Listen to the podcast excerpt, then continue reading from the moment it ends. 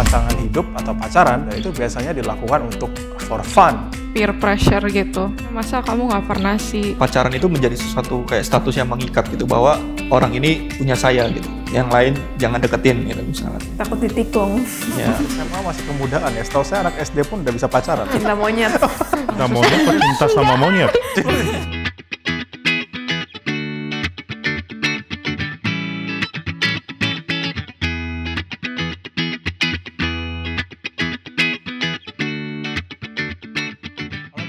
sekalian, bertemu lagi dengan kami di acara YOLO at Gary Karawaci. You only live once. Di sini kita akan membahas banyak tema-tema penting terkait dengan hal-hal yang terjadi dalam kehidupan sehari-hari dan bagaimana itu boleh dinyatakan dalam prinsip Alkitab. Kita juga akan mendiskusikannya dalam pergumulan-pergumulan remaja dan pemuda. Nah, di sini kita juga memiliki tema khusus dalam bulan Februari di mana kita akan melihat tema-tema penting terkait dengan pasangan hidup.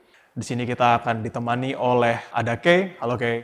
halo Lalu ada Andra juga, halo Andra. Hai. Dan ada Tania, hai Tan. hai Lalu ada Andre di sini, halo Andre. hai Dan kemudian kita di sini ada pendeta David Tong sebagai narasumber, sebagai juga gembala dari GRI Karawaci dan rektor dari Calvin Institutes of Technology. Halo Pak. Halo. Pada kesempatan kali ini kita akan membahas mengenai pasangan hidup, terutama terkait dengan bagaimana pasangan hidup itu boleh dijalankan untuk mempersiapkan pernikahan. Setahu saya pasangan hidup atau pacaran di tahap remaja dan pemuda itu biasanya dilakukan untuk for fun. kalau apalagi pas masih muda ya nyarinya buat kalau kesepian pengen entertainment tapi kalau aku sendiri sih ya buat pernikahan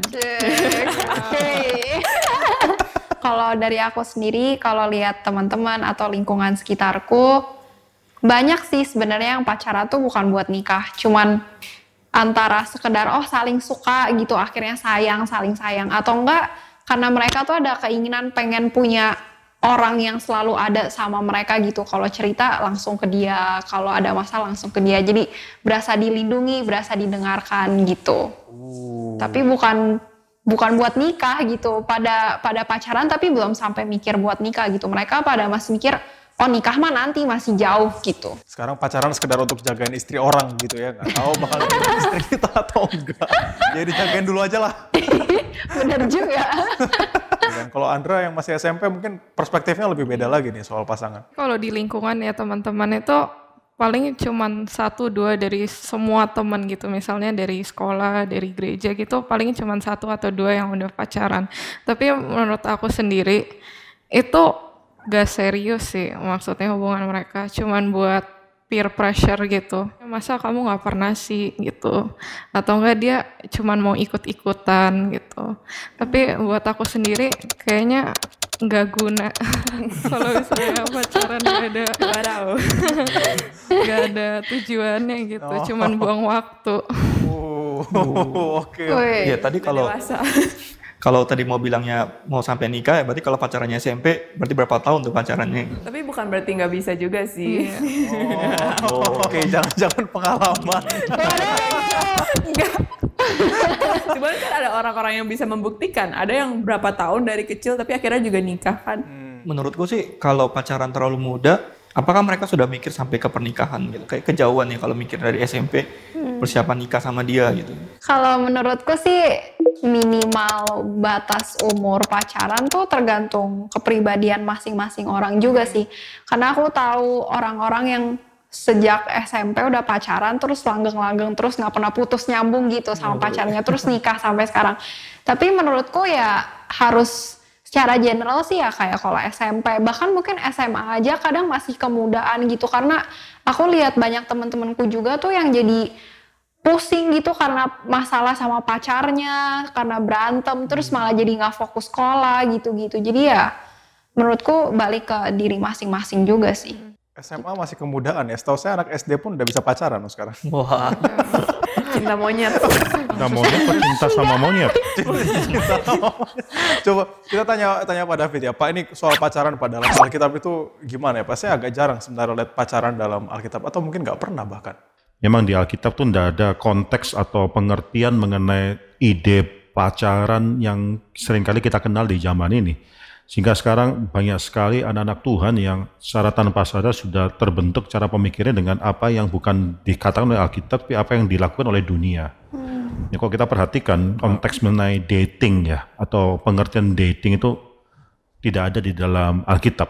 Alkitab itu tidak mengenal orang yang gonta-ganti pacar, mencari pasangan hidup dengan cara semacam demikian. Nah, saya mau mengusulkan satu terminologi yang baru yang mungkin sulit untuk diterjemahkan di dalam bahasa Indonesia yaitu courtship. Ya, kita mungkin melihat bahwa courtship ini adalah sesuatu yang sangat berbeda sekali dengan dating. Berbeda, saking berbeda courtship dan dating itu sama seperti kayak panas dan dingin itu berbeda. Antara gelap dan terang itu antitesis. Ya kalau di dalam dating atau mungkin dalam bahasa Indonesia pacaran tersebut itu outcome-nya bisa macam-macam. Ada orang yang putus, ada orang yang bisa akhirnya terus akhirnya menjadi dalam pernikahan atau ada orang yang mungkin putus sambung, putus sambung, putus sambung, nggak tahu sampai kapan menikah, tapi akhirnya ya putus atau menikah lah. Uh, pokoknya pilihannya cuma dua itu ya. Ketika kita bicara mengenai courtship, itu kita sedang menyiapkan satu hal yang sangat kusuk sekali, yaitu mempersiapkan pernikahan. Bukan idenya, bukan mau berkenalan, bukan. Berkenalan nah harus menjalin hubungan eksklusif. Ya berkenalan bisa berkenalan dan justru mungkin ketika kita berkenalan dengan pool yang lebih besar, teman-teman, kita bisa melihat dan menganalisa lebih objektif. Kalau kita menjalin hubungan lebih eksklusif, itu kan sangat-sangat subjektif sekali analisa kita, perhatian kita. Ini ini yang membeda pertama ya antara courtship dan dating itu goalnya. Ya, kita membicarakan mengenai bagaimana kita mau mempersiapkan pernikahan bukan cuma mengenal atau berkenalan atau mencoba-coba dan jadi katakan ada peer pressure dan seterusnya itu itu Alkitab tidak kenal mengenai hal itu. Nah, jadi bagi teman-teman, remaja-remaja, pemuda-pemuda baik yang di sini maupun yang akan mendengarkan pemirsa sekalian ya. Nah, mulai mikirkan mengenai suatu keseriusan ketika kita menjalin hubungan. Keseriusan itu dimulai dari mana? Keseriusan itu dimulai daripada kita membicarakan mengenai kejadian pasal 2 ayat 18. Kejadian pasal 2 ayat 18 itu dikatakan tidak baik kalau seseorang itu seorang diri saja, maka kita melihat, nah, itu Alkitab juga mengatakan bukan cuma masalah seorang dirinya, kesendirian daripada manusia atau Adam tersebut, tapi juga kalimat selanjutnya, aku akan menjadikan seorang penolong baginya, penolong yang sepadan baginya. Di sini menceritakan satu hal bahwa Tuhan mengatakan bukan hanya Adam itu tidak baik seorang diri, tapi Adam tidak baik seorang diri dalam melakukan suatu tugas yang penting di hadapan Tuhan. Hmm. Maka ketika kita mau menjalin hubungan, kita harus tahu ada suatu tugas apa yang Tuhan berikan dalam hidupku semua anak remaja, anak pemuda yang mau menjalin hubungan, mencari pasangan hidup, paling tidak harus menggumulkan terlebih dahulu apa kehendak Tuhan dalam hidupku. Ini bukan diketahui setelah kita lulus daripada universitas, bekerja, dan seterusnya. Anda anak muda pun itu anak remaja, itu bisa menggumulkan hal ini dengan serius sekali di hadapan Tuhan. Apa kira-kira panggilan Tuhan dalam hidupku? Oh, carilah pasangan hidup yang bisa bersama-sama memperjuangkan panggilan Tuhan tersebut dalam hidup kita itu penolong yang sepadan bagi kita, yang Tuhan persiapkan bagi kita. Nah tentunya nanti setelah ada pasangan hidup semacam demikian, itu pasangan hidup dengan suatu tujuan, suatu pasangan hidup yang bukan cuma untuk menyenangkan saya, bukan, bukan itu tujuan daripada Alkitab, bukan itu maksud daripada Alkitab supaya manusia Adam itu akhirnya tidak sendirian, enggak. Itu ada pasangan hidup yang akhirnya uh, memiliki suatu titik akhir dalam mungkin hidup kita sampai kita mati kita mau melakukan apa, kita mau setia dalam melakukan apa. Saya sebagai seorang hamba Tuhan yang sudah mendapatkan panggilan sejak saya masih duduk di bangku SD sebenarnya. Anak SD itu jangan dianggap mereka tidak ngerti panggilan. Mereka bisa mendapatkan panggilan daripada Tuhan. Sejak mereka masih sangat muda sekali. Umur 12 saya mendapatkan panggilan menjadi hamba Tuhan. Itu berkali-kali nanti selama saya remaja itu saya pernah maju dan menyerahkan diri menjadi hamba Tuhan. Nah ketika saya tahu bahwa saya suatu hari akan menjadi hamba Tuhan, waktu saya studi pun saya mempersiapkan studi saya supaya saya bisa menjadi hamba Tuhan macam apa.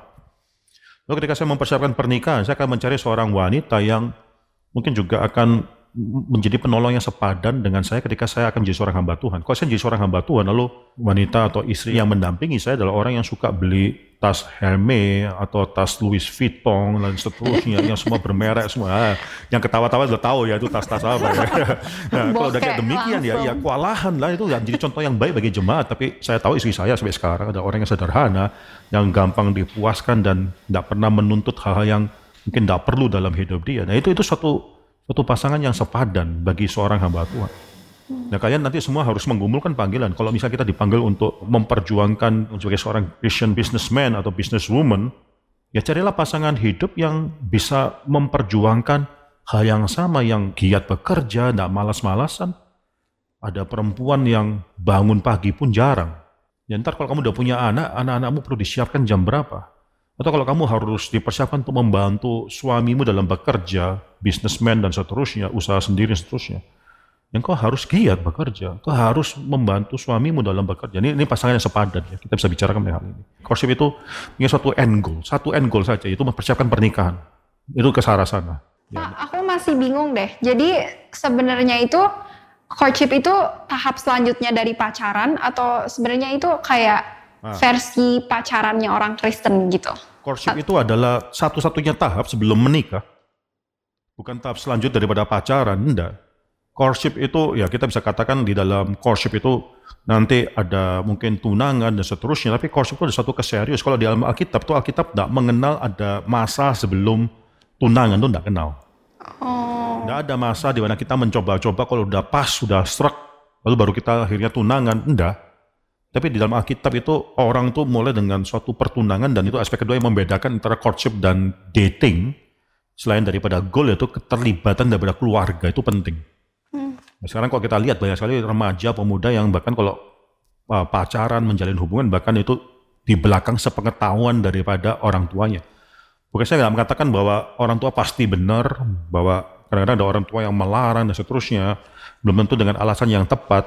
Tapi ada pasangan-pasangan atau orang-orang yang bahkan nggak tahu orang tuanya itu akan setuju dan setuju, mungkin lebih banyak adalah setuju, tapi sudah menjalin hubungan di luar daripada pengetahuan daripada orang tuanya. Nah ini nanti courtship akan berbeda sekali. Courtship itu melibatkan orang tua, bahkan melibatkan kalau perlu keluarga lebih besar lagi, yaitu keluarga dalam gereja. Maka di sini kalau kita lihat dalam Alkitab itu kan mulai daripada pertunangan. Maria dan Yusuf, kita lihat itu belum menikah, tapi menarik sekali itu adalah tunangan. Maria ada tunangan daripada Yusuf. Ketika Yusuf mau meninggalkan Maria itu harus dengan menceraikan Maria. Dikatakan demikian ya, mencari cara untuk bisa menceraikan Maria. Itu kan kayak suami istri sebenarnya. Walaupun belum konsumit, kita tahu bahwa uh, Yusuf dan Maria belum melakukan hubungan seksual, tapi dalam pertunangan mereka itu demikian serius hubungan tersebut sampai harus diceraikan. Itu, itu putusnya tuh bukan cuma putus say goodbye, lalu sorry ya dengan WhatsApp message satu kalimat, sorry ya hari ini kita sudah putus. Enggak, itu dengan surat cerai, menceraikan dengan surat cerai pasangannya itu. Nah, berani enggak kita? Bahkan sekarang kalau dalam dunia modern sudah tunangan pun, kalau putus gimana? Minta balik cincinnya ya. Cincin tunangan ya balik dong gitu ya. Sorry itu bukan pilihan gua akhirnya gitu. Itu tidak bisa kalau dalam dalam konteks Alkitab tuh harus diceraikan. Jadinya kita bilangnya dia bukan pacar saya atau jadinya dia adalah courtshipnya saya gitu. Nah itu saya tidak tahu ya bahasa Indonesia bagaimana menerjemahkan. Tapi bagi saya bukan terminologi yang penting, tapi pengertian mengenai hal ini yang penting ya. Kita bisa cari bahasa untuk menggantikan ya bahasa courtshipnya itu apa menggantikan. Tapi paling pada akhirnya terminologi itu tidak sepenting daripada pengertian yang kita terima itu harus kita perjuangkan. Tapi saya ini ya tertarik dengan Kalau courtship mungkin panggilnya sebagai tunangan ya, sebagai tunangan, tunangan saya. berarti itu udah udah maksudnya lamaran. Berarti kalau dalam konteks kita berarti nggak ada lam, nggak Nah, ada lamaran pacaran. kita pun dalam teks dunia modern ini masih rendah loh. Bisa putus kan ya, putusnya gampang kan? Yang saya katakan, tidak ada orang lamaran sudah jadi tunangan lalu putusnya dengan cara saya harus menceraikan tunangan saya. Tidak ada kan ya, ngomong gitu kan? Tunggu Pak, tadi aku sempat dengar Pak David bilang kalau courtship itu eh, memperkaitkan keluarga kan. Nah aku juga baca satu artikel tadi kayak courtship itu lebih melibatkan suatu komunitas. Suatu komunitas maksudnya nggak cuma berdua doang pacarannya gitu, termasuk keluarga atau mungkin kalau eh, buat kita di komunitas gereja. Tapi dari yang salah satu kelemahan dari hal ini itu kalau misalkan mereka selalu di dalam komunitas, jarang berdua doang, sifat asli mereka itu nggak kelihatan Pak. Maksudnya kayak em, pas pas masa courtship itu ya di depan komunitas kan pasti baik-baik aja. Tapi Jaim. giliran pas nikah baru kelihatan. Oke, Itu salah satu kelemahan pada akhirnya fakta menunjukkan bahkan sampai hari pernikahan kita tidak akan mengenal orang tersebut selama 100% tidak mungkin. Karena ya kita berharap pernikahannya adalah suatu pernikahan yang kudus. Itu baru ter berhubungan seksual, tinggal satu kamar, di atas satu ranjang, itu kita baru tahu. Oh baru tahu ternyata eh, tidur ngorok terus misalnya gitu ya. Ini satu hal yang menarik. Apakah berarti bahwa kalau ada hidup di satu komunitas orang tua, ini orang tua daripada dua pasangan paling enggak ya, itu yang memperhatikan, apakah berarti bahwa kita tidak akan bisa mengenal benar-benar? Saya mau tanya lebih lanjut lagi, kita mau kenal sampai sejauh mana? Bagi sebagian orang, khususnya orang-orang barat, kita mengenal pasangan kita sebelum nikah ya dengan cara apa? Hubungan seksual terlebih dahulu. Hmm. Premarital seks baru saya bisa mengetahui itu bisa menikmati seks tersebut atau enggak. Tak perlu tahu. Sudah nikah baru tahu. Lalu seks kayak apa ya? Itu itu itu, itu adalah bagian daripada memang tanggungan keluarga kita. Lalu ada orang yang mengatakan, oke saya mau tahu habit daripada pasangan saya dengan cara apa sebelum nikah. Ya kita kita tinggal bareng-bareng terlebih dahulu. Tinggal dalam satu atap terlebih dahulu, kita akhirnya kumpul kebo terlebih dahulu. Mau, mau sampai mana batasnya? On the other hand, ada suatu hal yang positif yang saya rasa bisa dilihat daripada komunitas. Paling tidak komunitas kecil itu keluarga. Itu dari apa? Yaitu kita tidak menilai secara subjektif, ada objectivity. Orang melihat orang ini bagaimana, bukan karena kita sayang, kita suka, lalu kita akhirnya melihat segala sesuatu itu pasti baik, pasti indah. Padahal pasangan kita mungkin banyak kekurangan, ya orang lain bisa melihat, bisa menilai bagi kita juga. Ya objectivity itu bisa didapatkan melalui orang lain melihat bersama-sama.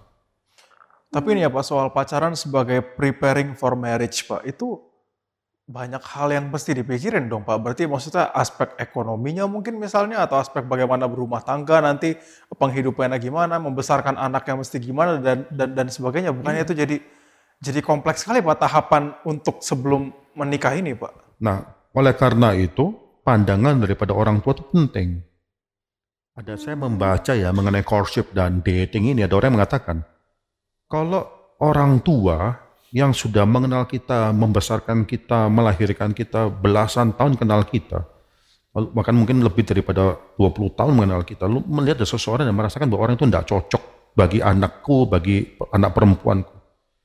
Apa yang buat kita akhirnya merasa bahwa kita harus meragukan pandangannya dia? Kenapa kita tidak percaya kepada orang tua? Saya tidak mengatakan bahwa semua orang tua itu pasti benar, tidak belum tentu. Tapi kenapa kok kita ada satu tendensi mengatakan bahwa pasti orang tuaku tidak mengerti mengenai hal ini? Bisa tidak kita ngomong sama orang tua, Pah, saya suka nih sama orang ini, laki atau perempuan, saya suka. Saya mau mendoakan hal ini lebih lanjut lagi. Lalu kalau demikian ya sudah, ini jadi pergumulan daripada orang tua. Orang tua menghubungi orang tua yang lain ya, yang mengatakan bahwa anakku atau bagaimana itu suka dan kita mungkin bisa mendoakan keluarga kita. Lalu dalam keluarga kita melihat tidak usah harus langsung ini tujuannya adalah untuk mempersiapkan pernikahan tersebut. Belum tentu harus berhasil, belum tentu. Tapi bukan berarti bahwa ini kita cuma mau pacaran karena kita kesepian, enggak. Tapi tujuan adalah untuk uh, kita mencari seorang penolong yang sepadan dalam hidup kita tersebut. Dan orang tua ini bisa uh, masukannya, pandangannya itu bisa kita perhatikan. Tentunya, tentunya uh, orang tua enggak semuanya pasti pasti benar. Tapi jangan lupa kita punya keluarga yang lain juga di dalam gereja. Gereja sebagai umat Tuhan itu keluarga Tuhan yang juga memperhatikan anak-anak mudanya bisa bisa menilai. Saya mau tanya nih, kalian kalau cari pacar, pasangan ya, mau cari di dalam gereja atau di luar gereja? Kalau saya sih, saya lebih setuju di dalam gereja gitu. Ketika kita mungkin nggak tahu nih siapa dia gitu, tapi dari orang lain ada masukan gitu. Ada terus dari kita ketika kita melayani bersama-sama kita bisa lihat liatin itu. Oh ternyata ketika dia melayani dia juga orang yang bertanggung jawab, dia orang yang takut akan Tuhan seperti itu. Jadi dari situ sih baru mulai mungkin kita baru mau mendoakan dia gitu. Kita bisa mendoakan dia lebih lanjut gitu.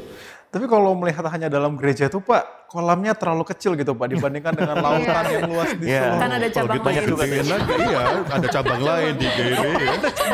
Harus Geri Karawaci kan, bisa aja eh, kita membuat retret retret jomblo-jomblo antar cabang.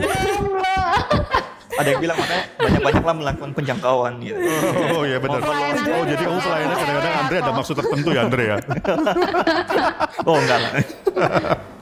Tapi mungkin apa mungkin takut justru pacar yang satu gereja karena nanti kalau apa kalau relasinya jadi nggak bagus kan jadi nggak enak temenannya. Coba jadi kita pikir ya, sebenarnya Tuhan tuh mempersiapkan orang yang dekat dengan kita loh. Dari sekolah minggu, dari remaja sama-sama. Kenapa kita cari di luar yang kita nggak kenal? Teman atau bagaimana? Atau kita merasa bahwa orang-orang dalam gereja ini kurang baik bagi kita. Ada yang mengatakan bahwa poolnya terlalu sempit. Ya mau dilebarkan sampai mana? Bisa antar cabang lah.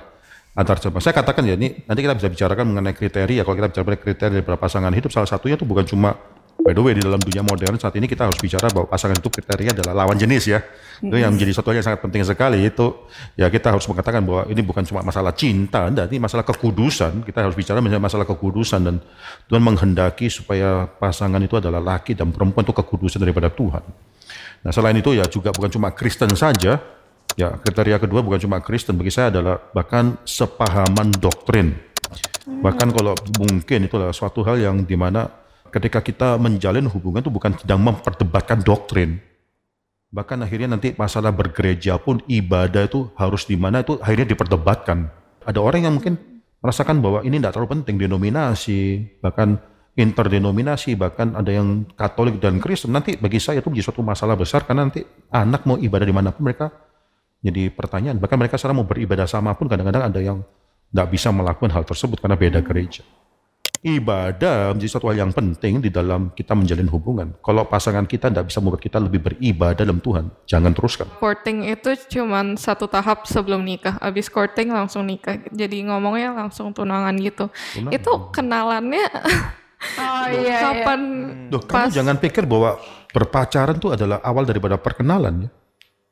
Sebelum berpacaranmu kita sudah harus mengenal orang yang akan. Nah ini jangan pikir bahwa pacaran dating adalah suatu usaha untuk kita mengenal lebih lanjut lagi, lalu kita coba-coba. Hmm. Kenapa tidak bisa kenal dari pergaulan kita? Hmm. Kenapa tidak bisa kenal daripada pergumulan daripada orang tua kita? Orang tua kita yang melihat, komunitas yang melihat apakah orang ini cocok atau tidak, orang ini mencintai Tuhan atau tidak. Kenapa harus kenal dari menjalin hubungan eksklusif? Kamu sekarang pacarku ya, sekarang tidak boleh ada orang lain yang menggandeng tanganmu misalnya ya.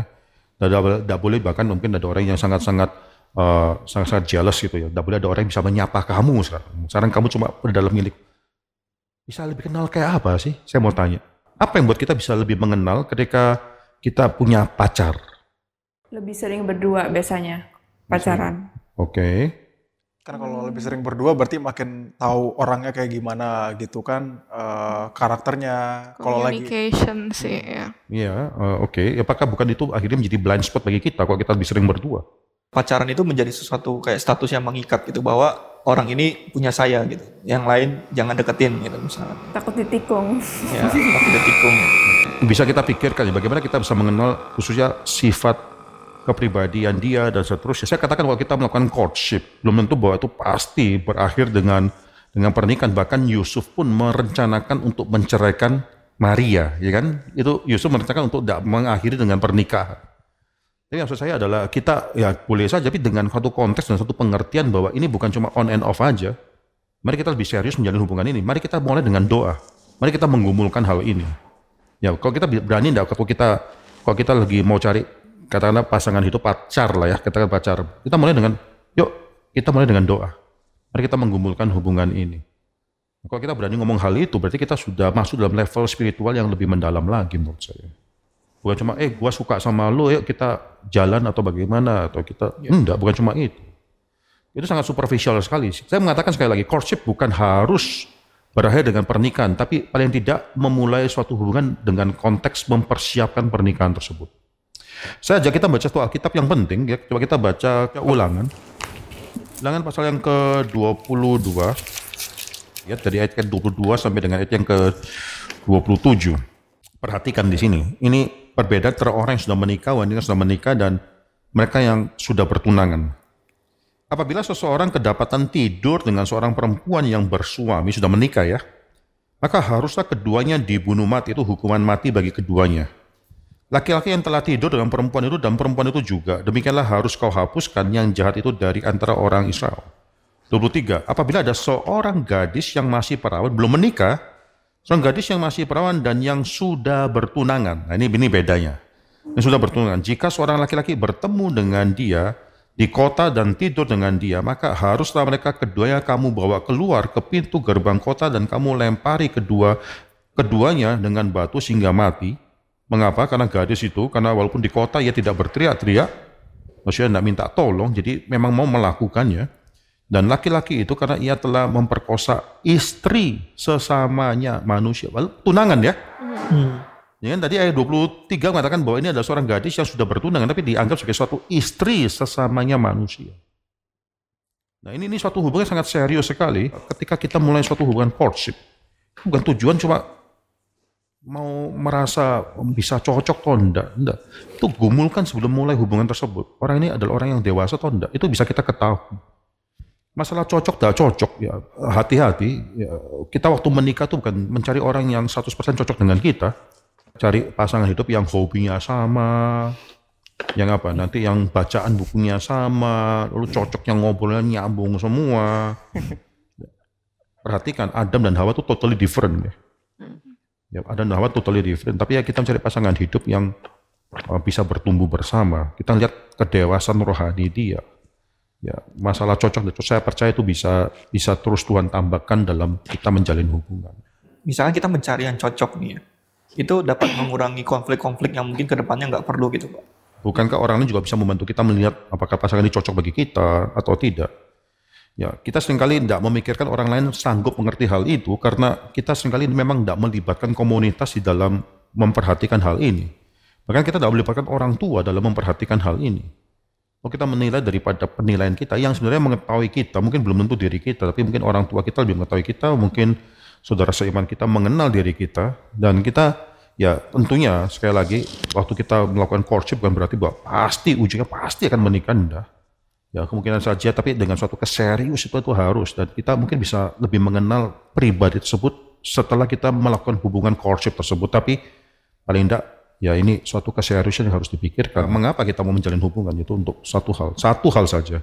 Untuk kenalan, tapi untuk mempersiapkan pernikahan. Nah, saya tertarik untuk lihat orang tuh cari pacar lewat dating apps. Temen-temen aku ada tapi kayak buat iseng-iseng gitu. Iya. Tapi akhirnya ketemu juga yang cocok. Oh dari mana tuh cocok ya? Bener deh gitu istilahnya kayak gitu mau di kesalahan gitu. Kayaknya Kay, kok bisa di tengah-tengah cowok dan cewek yang sedang mau putus gitu loh ya. Pertanyaan sekarang bukan masalah komitmen, bagaimana melatih komitmen? Waduh.